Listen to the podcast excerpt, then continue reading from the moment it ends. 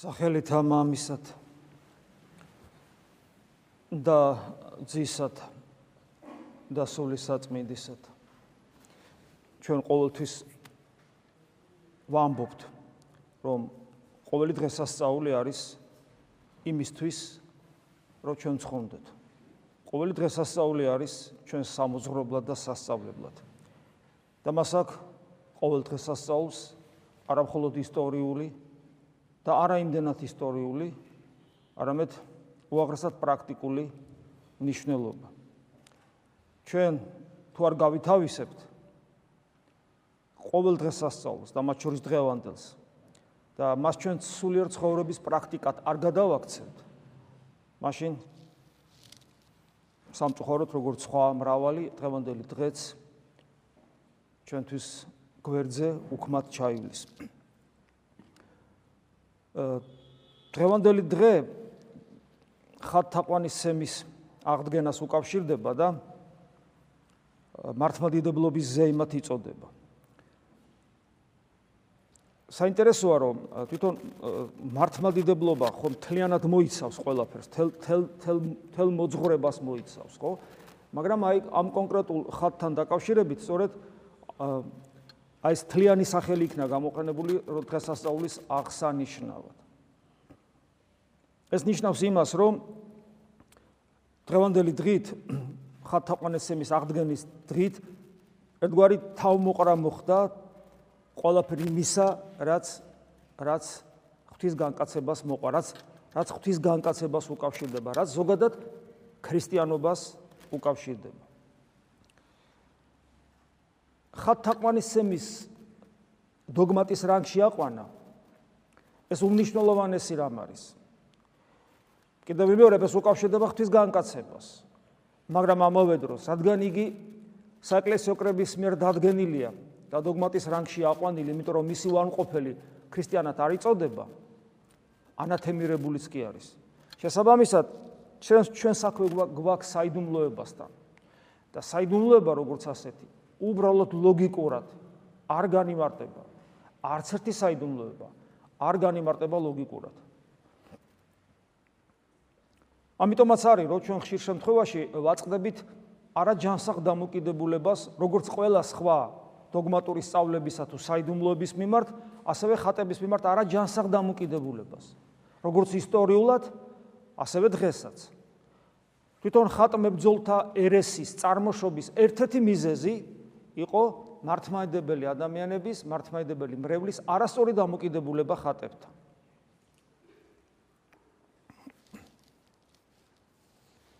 დღესაც სახეზია ამგვარი დამოკიდებულება ხშირად, როდესაც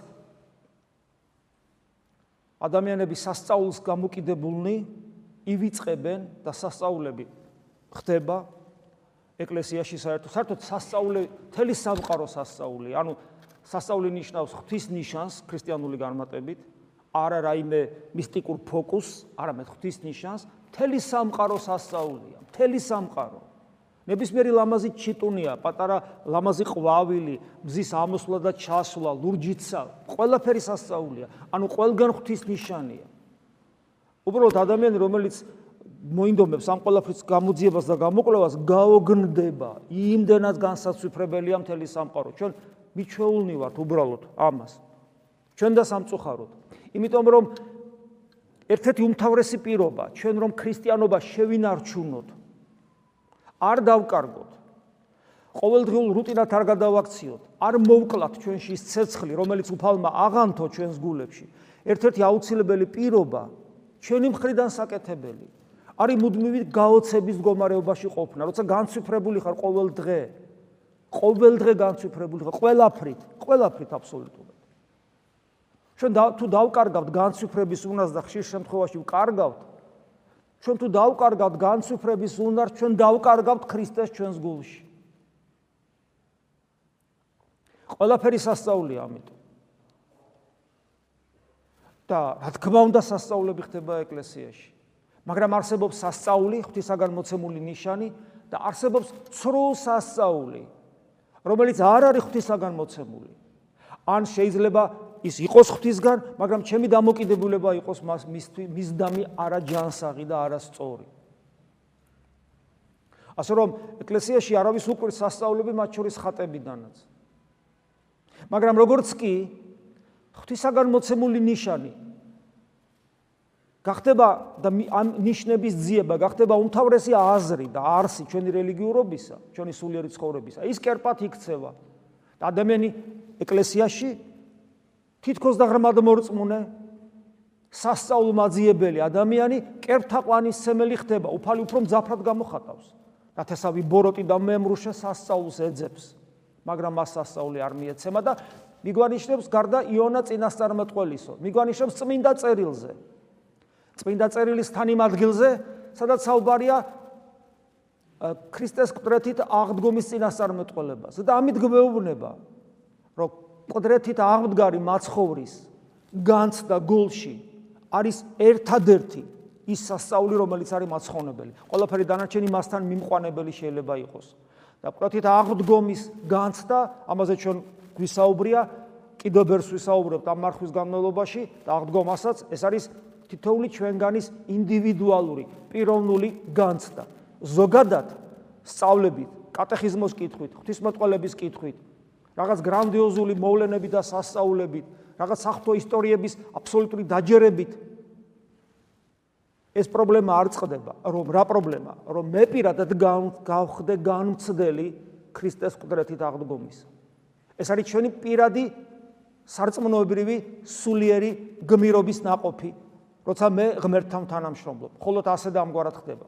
დანარჩენი ეს თუ არ არის ჩვენში, დანარჩენს და რაღაცას ვეძებ ამის მიღმა მე სხვა რამეს.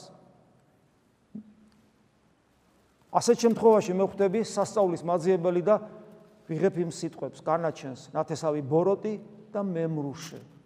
მემრუშე მოღალატეს ნიშნავს, არ დაგვავიწყდეს. ანუ ნათესავი ბოროტი და მოღალატე ეძებს სასწაულს და მას არ მიეცემა.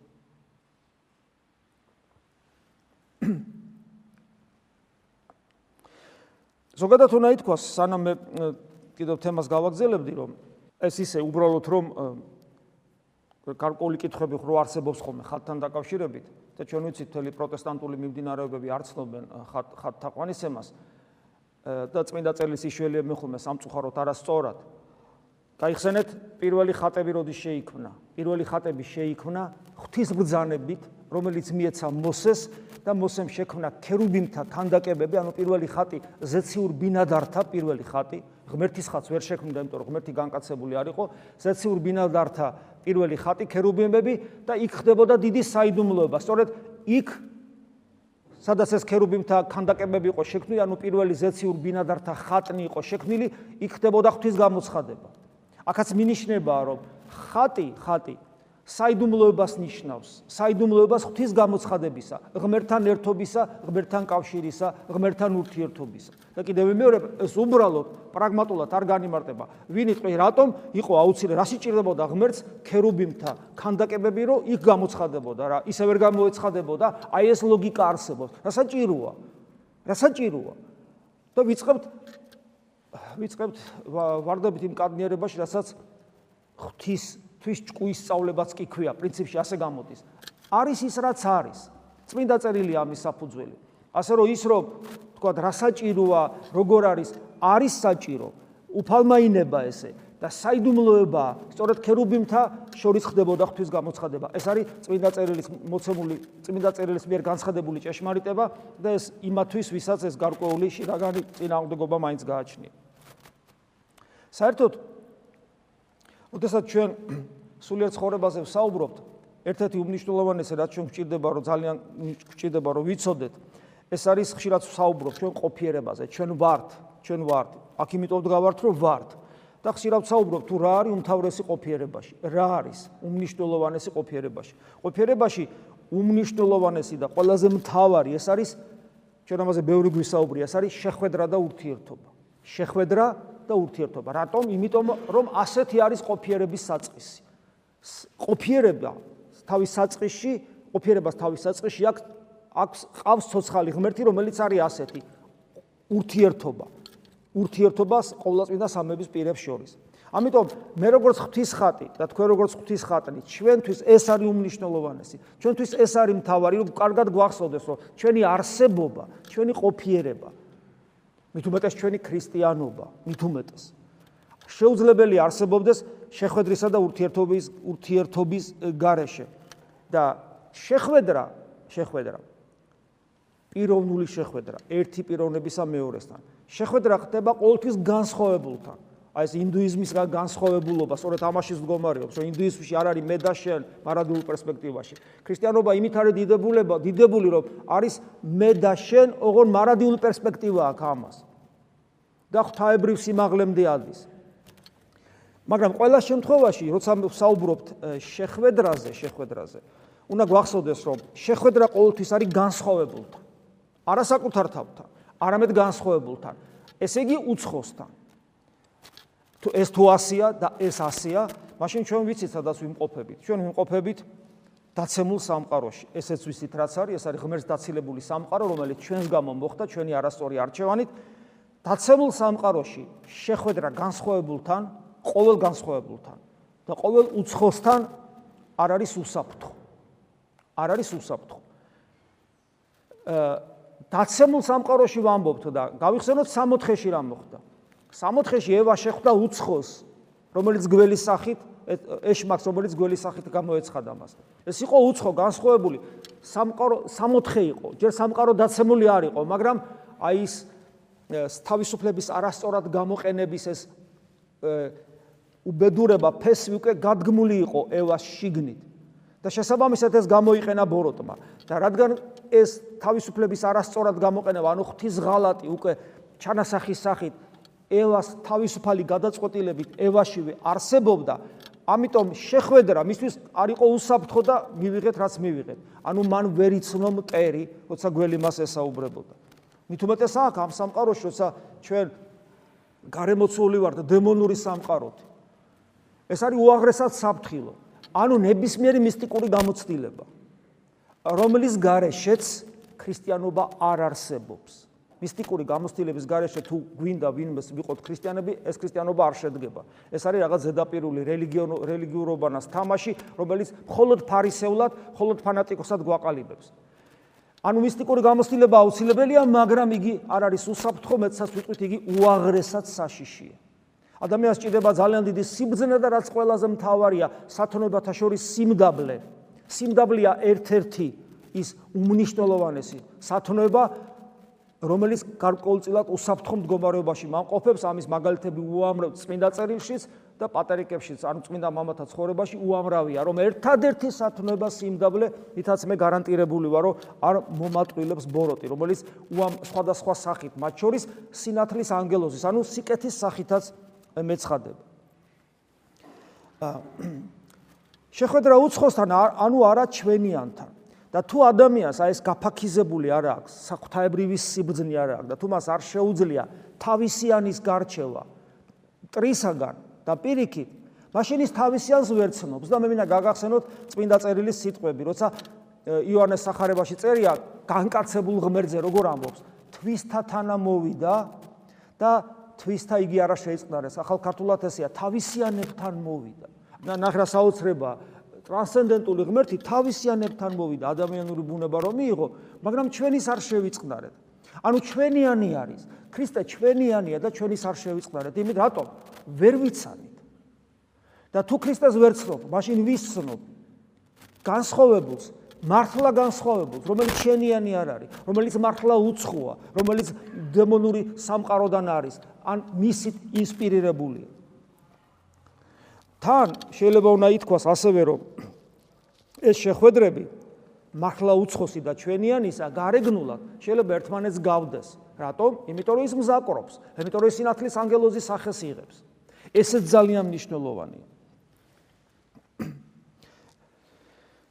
კიდევ ერთი რამ, რაც ძალიან მნიშვნელოვანია ჩვენ თემასთან დაკავშირებით, რატო შეიძლება ჩვენ მოვტყვილდეთ გასაგებია ხა იქ გველი სიმბოლოა ერთგვარი და საიდუმლოებრივია. მისი განმარტება ესე ადვილი არ არის რატო გველის სახით და რას ნიშნავს ეს და ასე შემდეგ. მაგრამ ჩვენ ძალიან კარგად ვიცით როგორ შეიძლება საცტურის წინაშე აღმოჩნდეთ და როგორ შეიძლება მოვტყვილდეთ ადამიანთან ურთიერთობაში რომლის უკანაც შეიძლება ბოროტი იდგეს. და ძალიან ხშირად ხდება ასე. არა მარტო ბოროტი ადამიანისგან როგორც ასეთი. თუმცა ვინ არის ბოროტი? საკუთარ თავში ჩავიხედოთ პირველ რიგში ხო საკუთარ თავში ვეძებოთ. მაგრამ აი პეტრე მოციქული რომელიც მოციქულია და პეტრეა მოციქულთა თავია და გახსოვთ უფალი მას როგორ უწოდებს. განვე ჩემგან სატანა. ანუ მისი საშუალებით ბოროტი ცდილობდა ქრისტეს ცდუნებას. რა საოცრება და რა უცნაურია. რატომ? იმიტომ რომ კაცისა ზრახავდა. ანუ ღვთისნები არ იყო მასში ღვთისნებით არ იყო ნაკარნახევი მისი საუბარი. ნახეთ ესე იგი რა გამოდის? ადამიანი რომელიც დაზიანებულია, მართალია ღვთის ხატნი ვარ ჩვენ, მაგრამ ვარ დაზიანებული. დაზიანებულობის გამო ჩვენ დაკარგული გვაქვს სრულყოფილება. ჩვენ არა ვართ განღმრთობილნი. განღმრთობილნი. ამიტომ ჩვენ ვაძლევთ დასაყრდენს ბოროტ სულს. გახსოვთ პავლე მოციქული როგორ გვარიგებს რომ ჩვენი ბრძოლა არ არის სისხლისა და ხორცის წინააღმდეგ, არამედ დაცემული ანგელოზების წინააღმდეგ. ანუ როცა მე ადამიანთან კონფლიქტურ სიტუაციაში მოვდივარ, მე ყოველთვის უნდა მახსოვდეს, რომ იმის უკან დემონური ძალა დგას. და რატომ დგას დემონური ძალა?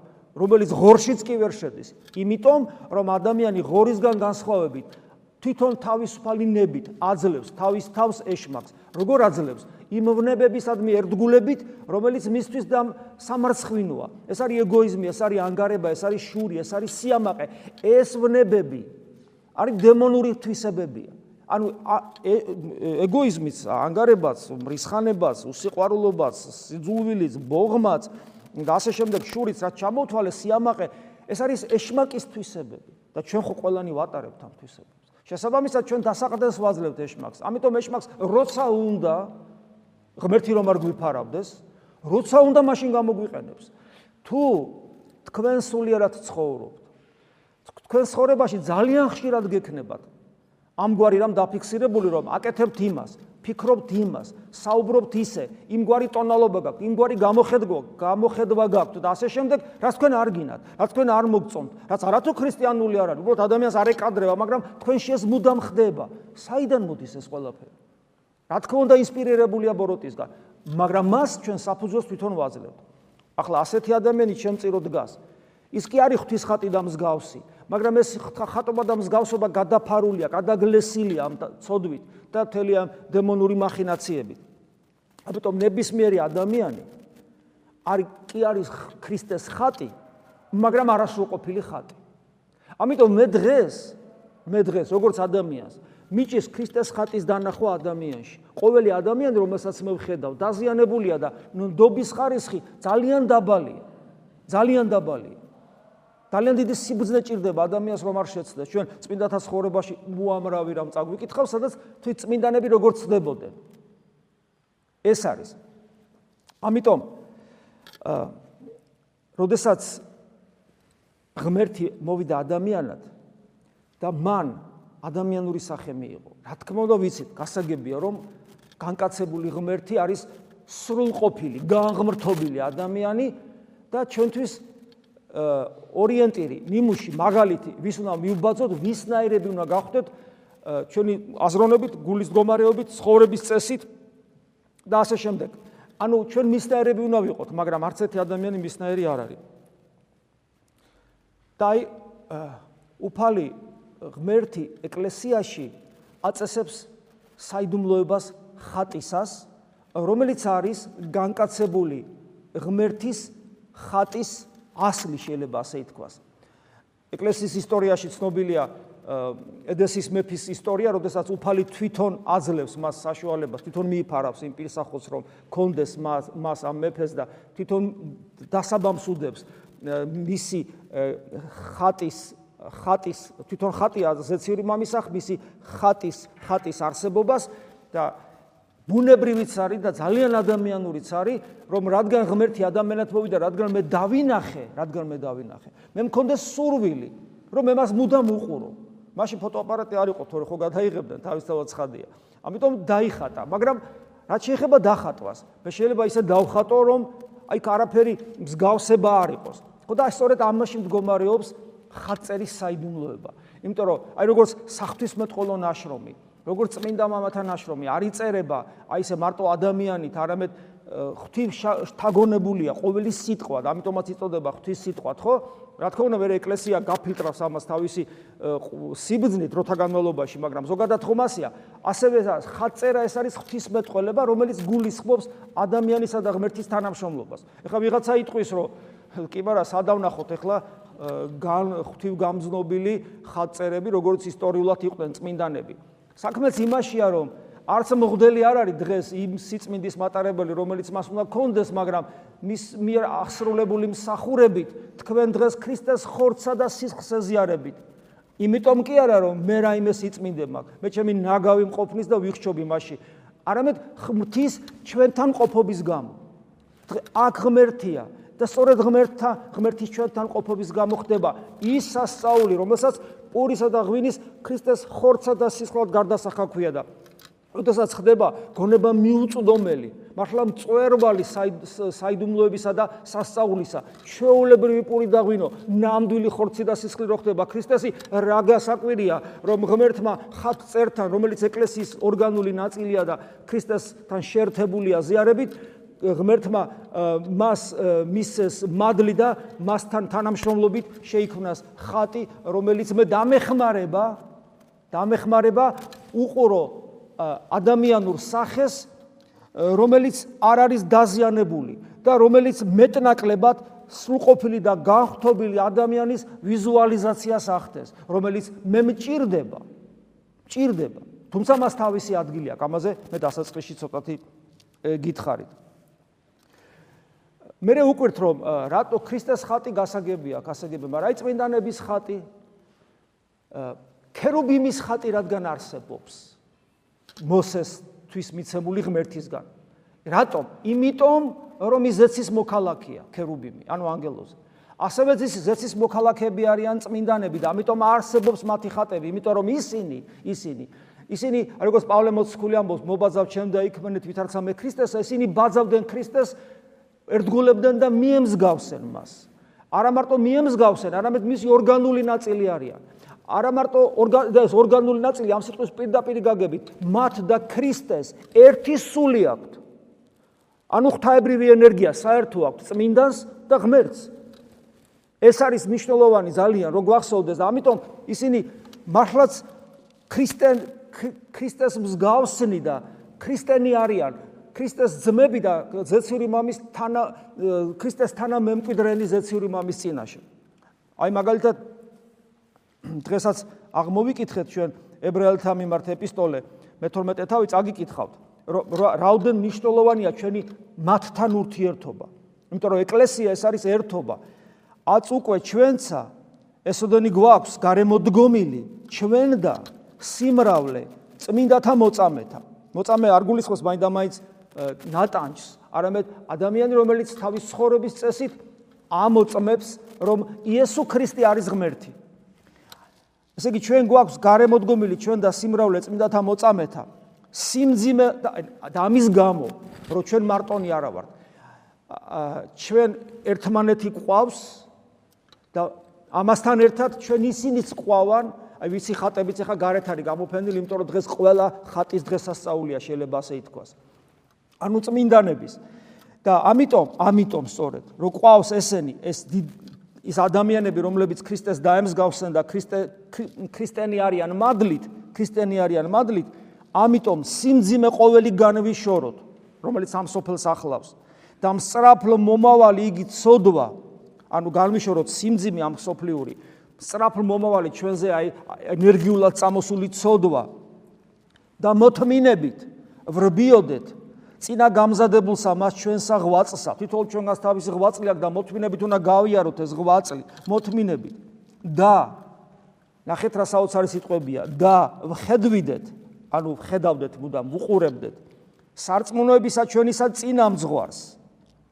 და სრულების ანუ სრულყოფილების მოქმედ იესოს ანუ ჩვენთვის ორიენტირი არის იესო ქრისტე და უამრავი მეოხი ყავს ზეციური და მათ მათ მათით გამხნევებულნი, მათით გამხნევებულნი მოთმინებით ვებზვით ცოდვას და მოთმინებით მივისწრაფით ქრისტესაკენ, რომელიც ჩვენ თვალსაწიერს არავითარ შემთხვევაში არ უნდა მოშორდეს.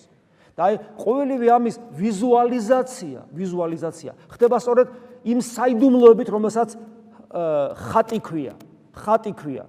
და რა თქმა უნდა არსებობს კიდევ მეორე ხატისადმი არაჯანსაღი დამოკიდებულება, მაგრამ ეს კერძო შემთხვევებია, რომელიც მართლმადიდებლურ ღვთისმეტყველებაში აღმოფხრილია ძალიან დიდი ხანია. და მას შორის დღევანდელი დღე სწორედ ამის ერთ-ერთი ნიშანია.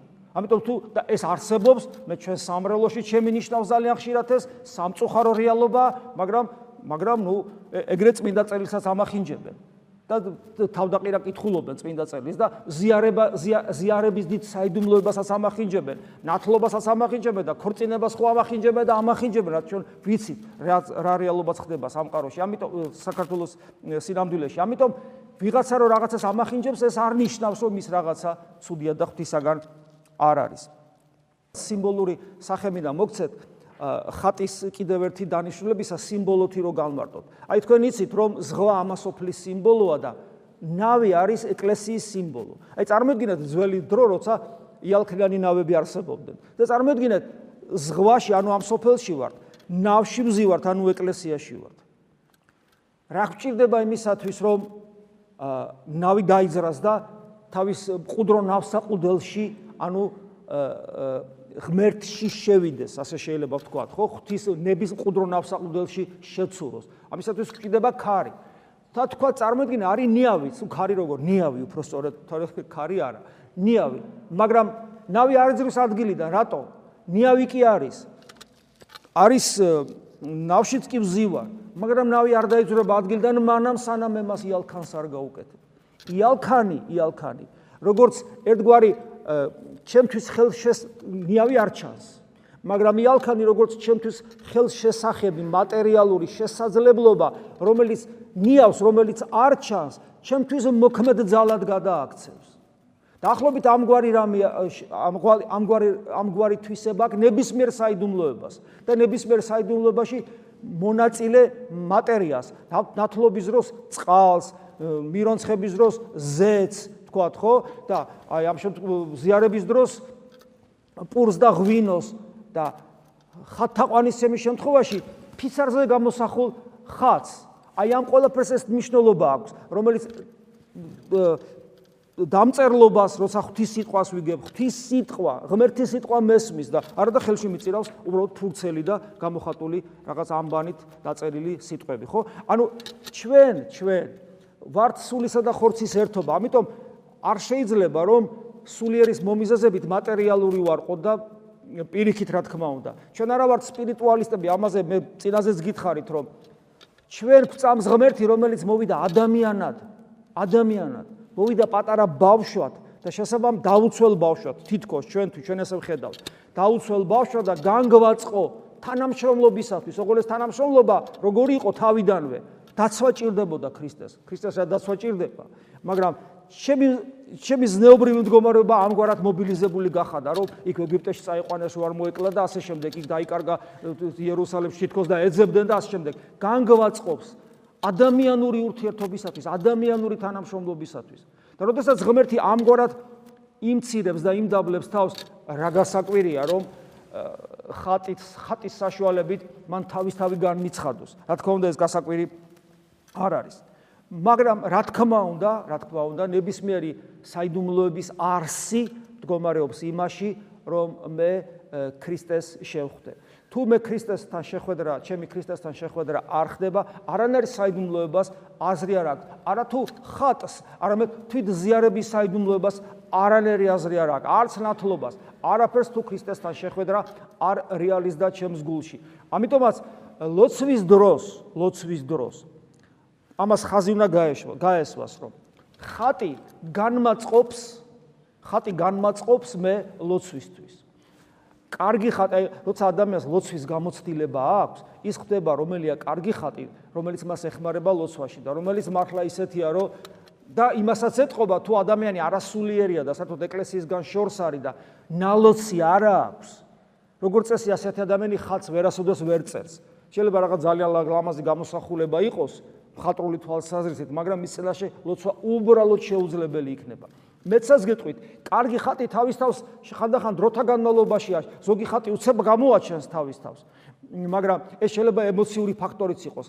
ნამდვილი ხატი ნელ-ნელა უფრო აჩენს თავს, როგორც сахарების ტექსტი, რაც მეც კითხულობ უფრო და უფრო მეტი სიღრმე რო ამოდის და ნამდვილი ხატიც ესეა, ნელ-ნელა აჩენს საკუთარ თავს და მას აქვს თვისება, რომ დაგეხმაროს ლოცვითი განწყობის შექმნაში. შენში აღძრას, აი ეს ამბობენ მამები, შენში აღძრას სურვილი ღმერთთან ურთიერთობისა, მაგრამ ეს ურთიერთობა საბოლოო ჯამში ხდება ადამიანის შიგნით, გულში, ხშირად გასაუბრებით ხოლმე გრიგო პალამას შესახებ, დიდებული წმინდანის, რომელიც ძალიან ბევრს საუბრობს ამაზე, იმიტომ რომ აი ამ პრინციპს რომ ადამიანი თავისი გონებით, თავის თავში შიგნით ეძებს ღმერთს, თავის თავში ეძებს ღმერთს, ამას დაუპირისპირდა რაციონალური, ინტელექტუალური ქრისტიანობა დასავლეთისა და შეიქმნა ის პრობლემა და ამალ მერე საეკლესიო კრებებს შეუქმნა საფუძველი და სადაც საბოლოოდ, საბოლოოდ დასაბუთდა თუ სად უნდა ვეძებოთ ღმერთი, რომ ხელთუქმნელი ენერგიები რომ არსებობს, ისიქასტური პრაქტიკა და ასე შემდეგ და ეს ყველაფერი შიგნით ხდება. ამიტომ ხატი განგვაწყობს ლოცვისთვის ხოლო ნამდვილი ლოცვა აღესრულება გულში. ისე როგორც მაგალითად რო გიჭირავს ტექსტი, თქვათ ლოცვისა, ლოცვა, ლოცვის ტექსტი, რომელსაც კითხულობ, განგაწყობს ლოცვისთვის, ანუ ღმერთთან ურთიერთობისათვის, მაგრამ შენი ყურადღება ფურცელზე არ უნდა დარჩეს, ისევე როგორც შენი ყურადღება არ უნდა დარჩეს ხატის მასალაზე, ფიცარზე, გამოსახულებაზე. არამედ ის გულში უნდა ჩავიდეს. ამიტომაც ისიქასურ პრაქტიკაში სიბნელეში ლოცულობენ, შუქს აქრომენ, სადაც არანერი ხატი არ ჩანს. არანერი ხატი არ ჩანს, არც წმინდა წერილი, არც ლოცვის წიგნი არ ჩანს. არაფერი არ ჩანს.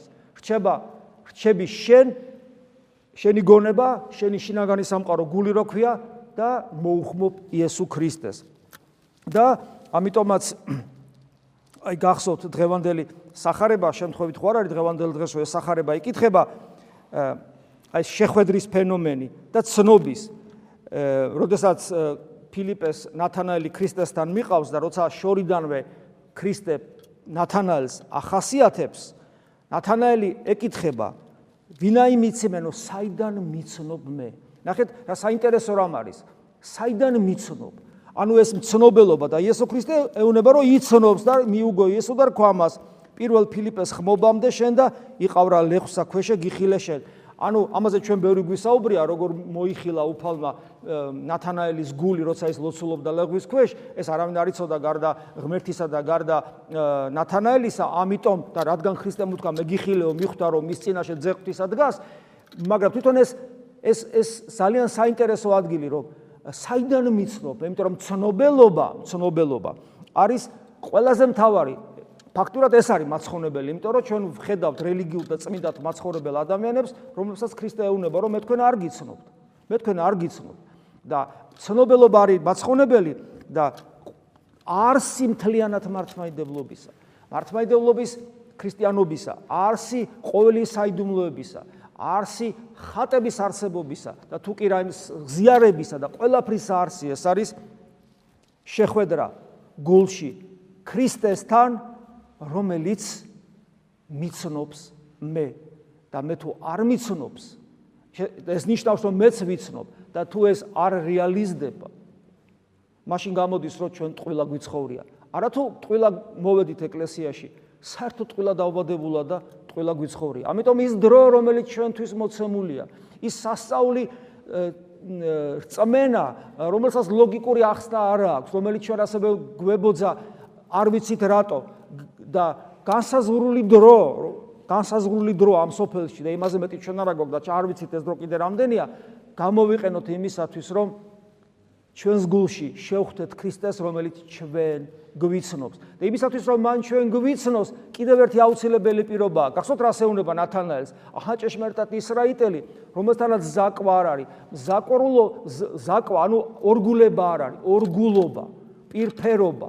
ფარისევლობა ყველაზე მეტად ზაქს უფალს ასეთ გულში ღმერთი ვერ ჩერდება ხოლო თუ ჩვენი ვისწრაფით ვითანამშრომლებთ ქრისტესთან იმ იმ საქმეში რომ ჩვენი ნება მის ნებას დაემთხვეს და განსაკუთრებულ და რელიგიურ ადამიანისათვის საშიშია ეს ორგულობა, იმიტომ რომ გარეგნულ ფორმებს იღებს და შინაგანაც ხვაგან არის, ჩვენი ჩვენი ნება დაემთხვეს ღვთის ნებას, რომ ეს ორგულების გან განვიწმინდოთ ჩვენ ხში ყველაში ეს ორგულება განვიწმინდოთ და ეს ხდება უფალთან თანამშრომლობის შედეგად განწმენდილი გული ხდება აი როგორი როგორც როგორც უფალი კიდევ ერთხელ ეუნება ნათანაელს რომ შენ გითხარი რომ მე შენ გიხილე და გწამს და ამაზე მეც იხილავ და რას ეუნება რომ იხილავ ძეს რომელზეც ადიან და გადმოდიან ზეცაა გახსნილი ფაქტობრივად ადამიანურ ბუნებაზე, ზეღვთისასე, ზეღვთისას ადამიანურ ბუნებაზე და ანგელოზები ჩამოდიან და ადიან. ანუ ფაქტობრივად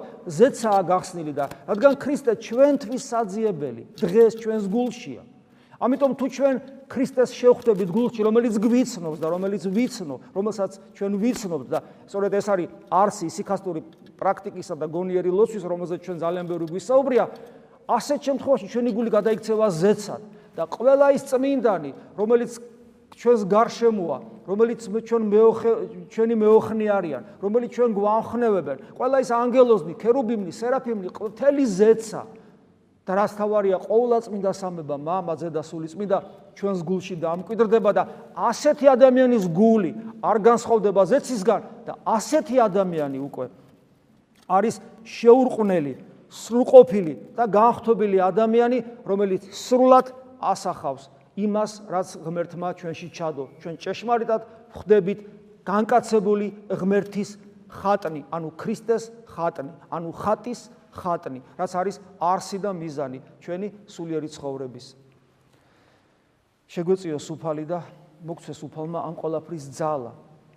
და ყოველთვის ბოლოს კიდევ ერთხელ აი ხშირად არის ხოლმე რომ ზეცაში იმყოფება ადამიანი თქვა როცა ღვთის სიტყვას ისმეს და რეალობა ავიწყდება და რეალობა კი არის ის რომ ჩვენს გვერდზე მყოფი მოყვასი გვიყვარდეს როგორც საკუთარი თავი და ჩვენ ყველა ადამიანს უყუროთ და ვუყურებდეთ ქრისტეს თვალებით ანუ ისე როგორც მას ქრისტე შეხედავდა ამინ მადლი უფლისა ჩვენისა იესო ქრისტესი და სიყვარული ღვთისა და მამისა და ზიარება სული საწმინდისა იყოს თქვენ ყოველთა თანა. ამინ.